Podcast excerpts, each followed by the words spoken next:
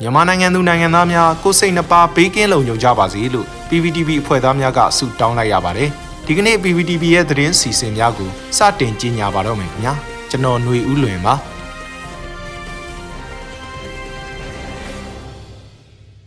အချမ်းဘတ်စစ်တပ်ကအာဏာသိမ်းပြီးတဲ့နောက်ပိုင်းမှာလူအခွင့်အရေးချိုးဖောက်မှုတွေအတွက်ကုလသမဂ္ဂကစစ်ကောင်စီကိုတတိပေးခဲ့တဲ့သတင်းကိုတင်ဆက်ပေးမှာဖြစ်ပါတယ်မြန်မာနိုင်ငံမှာအကြမ်းဖက်စစ်တပ်ကအာဏာသိမ်းပြီးနောက်ပိုင်း လူအခွင့်အရေးချိုးဖောက်မှုတွေဆက်လက်ပေါ်ပေါက်နေတာကြောင့်ရက်သားတွေကိုအကာအကွယ်ပေးဖို့ကုလသမဂ္ဂကတောင်းဆိုလိုက်တာပါ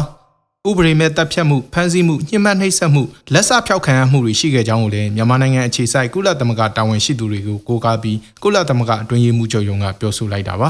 မြန်မာနိုင်ငံမှာစစ်တပ်ကအာဏာသိမ်းထားတဲ့6လတာကာလအတွင်းလုံခြုံရေးတပ်ဖွဲ့ဝင်တွေရဲ့အကြမ်းဖက်လုပ်ရက်တွေကြောင့်အမျိုးသမီးနဲ့ကလေးတွေအပါအဝင်အရက်သား930ထပ်မံတေဆုံးခဲ့ရပြီးတိကြိုက်ဒဏ်ရာရသူထောင်နဲ့ချီရှိနေပါတယ်။ ဒီလောက်ရက်တွေကျူးလွန်သူတွေကိုတရားဥပဒေနဲ့အညီရေးယူဖို့လဲမြန်မာနိုင်ငံမှာရှိတဲ့ကုလသမဂ္ဂယုံကတောင်းဆိုထားပါတယ်လို့နယူးယောက်ကုလသမဂ္ဂယုံချုပ်ကသတင်းစာရှင်းလင်းပွဲမှာအတွင်းရေးမှူးချုပ်ရဲ့လက်ထောက်ပြောခွင့်ရအေရီကန်နီကိုကပြောဆိုသွားတာပါ။ မြန်မာနိုင်ငံမှာဖေဖော်ဝါရီလ၁ရက်နေ့စစ်တပ်အာဏာသိမ်းခဲ့တာ6လနီးပါးရှိလာပေမဲ့စန့်ကျင်လှုပ်ရှားမှုတွေလက်နက်ကင်ပဋိပက္ခတွေလည်းဆက်လက်ပေါ်ပေါက်နေခဲ့ပြီးလက်ရှိအချိန်မှာတော့နိုင်ငံရေးမတည်မငြိမ်အခြေအနေတွေကြားမှာပဲကိုဗစ်ကပ်ရောဂါကူးစက်မှုတွေကလည်းအဆိုးဆုံးအခြေအနေနဲ့ကြုံတွေ့နေရတဲ့အတွက်ကုလသမဂ္ဂအပါအဝင်နိုင်ငံတကာအတိုင်းဝိုင်းကစိုးရိမ်နေကြတာပါ။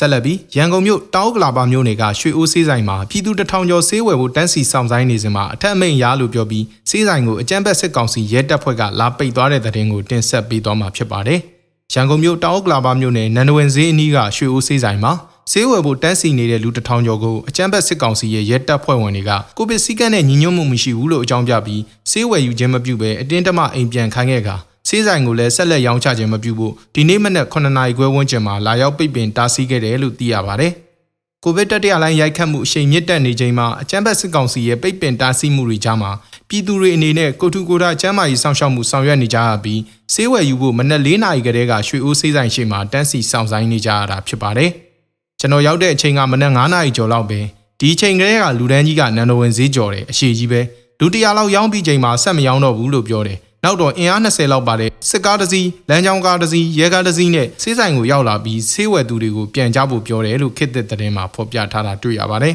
။ကိုဗစ်ရောဂါဖြစ်ပွားသူများအကြားတက်ကြီးရွယ်အိုတွေမှာသွေးခဲခြင်းဖြစ်ခါလေဖြတ်စေနိုင်တဲ့အတွက်အီနောင်စားလို့ခေါ်တဲ့သွေးကျဲစည်းကိုဆရာဝန်ညွှန်ကြားချက်အရမဖြစ်မနေထိုးရမှာဖြစ်တာကြောင့်ဈေးကွက်အတွင်းပစ္စည်းပြတ်တဲ့အထိအခက်အခဲတွေ့နေကြတာဖြစ်ပါတယ်။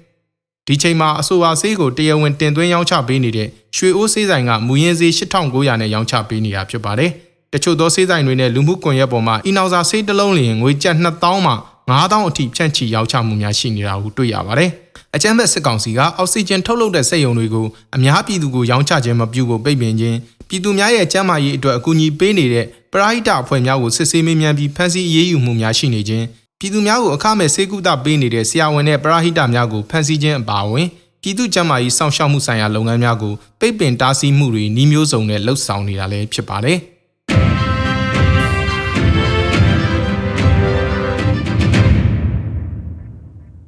ဆက်လက်ပြီးအကြမ်းဖက်စစ်ကောင်စီကအဓမ္မအာဏာသိမ်းပြီးပြည်သူတွေကိုအမျိုးမျိုးဒုက္ခပေးနေချိန်မှာ ကုလသမဂ္ဂလူသားချင်းစာနာမှုဆိုင်ရာညှိနှိုင်းရေးရုံးကဒုက္ခရောက်နေတဲ့မြန်မာပြည်သူတွေကိုကူညီဖို့အကန့်အသတ်တွေရှိနေတုံးပဲဖြစ်တယ်လို့ထုတ်ပြန်ကြေညာခဲ့တဲ့သတင်းကိုတင်ဆက်ပေးမှာဖြစ်ပါတယ်။မြန်မာနိုင်ငံမှာ February 10ရက်နေ့ကအကြမ်းဖက်စစ်ကောင်စီအာဏာသိမ်းပြီးနောက်ပိုင်းကစလို့အကြမ်းဖက်မှုတွေတိုက်ပွဲတွေနဲ့လုံခြုံရေးမတည်ငြိမ်မှုတွေတောက်လျှောက်ဖြစ်ပွားနေပြီးမြန်မာနိုင်ငံအရှေ့တောင်ပိုင်းမှာလူဦးရေ3,900ကျော်နေရက်ဆွန့်ခွာထွက်ပြေးခဲ့ကြရတယ်လို့ကုလသမဂ္ဂလူသားချင်းစာနာမှုဆိုင်ရာညှိနှိုင်းရေးရုံး OCHA ကမနေ့ကထုတ်ပြန်လိုက်ပါတယ်။ အဲ့ဒီထဲမှာမေလ22ရက်နေ့ကစပြီးဖြစ်ပွားနေတဲ့တိုက်ပွဲတွေကြောင့်ထွက်ပြေးနေရတဲ့ကြရပြည်နယ်နဲ့ရှမ်းပြည်နယ်အရှေ့တောင်ပိုင်းကလူပေါင်း3,200ကျော်လည်းပါဝင်တယ်လို့ဆိုပါတယ်။ချင်းပြည်နယ်မှာအေဗီလာကလေးကစတင်ဖြစ်ပွားနေတဲ့တိုက်ပွဲတွေကြောင့်လူပေါင်း18,000ကျော်ဟာယာယီစခန်းတရာကျော်မှာဆက်ပြီးနေထိုင်နေကြရပါတယ်။ရှမ်းပြည်နယ်တောင်ပိုင်းနဲ့မြောက်ပိုင်းမှာလည်း2021ခုနှစ်နှစ်စန်းပိုင်းကလေးကလူပေါင်း2200လောက်ထွက်ပြေးခဲ့ရပြီး9000လောက်ကယာယီစခန်း33ခုမှာဆက်ပြီးနေထိုင်နေရတယ်လို့ပြောပါတယ်။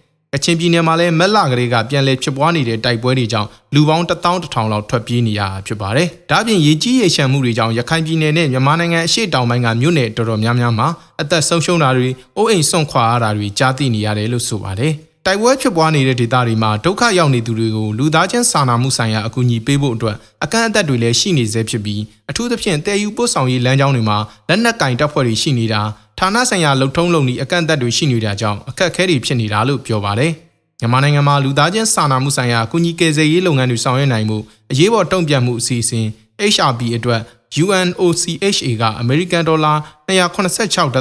သန်းတောင်းခံထားတဲ့အထက်က42ရာခိုင်နှုန်းလက်ခံရရှိထားပြီးအလူရှင်တွေရဲ့ထပ်မံထည့်ဝင်မှုတွေလိုအပ်နေသေးတယ်လို့လည်းကုလသမဂ္ဂရုံးရဲ့ထုတ်ပြန်ချက်မှာဖော်ပြထားတာတွေ့ရပါတယ်။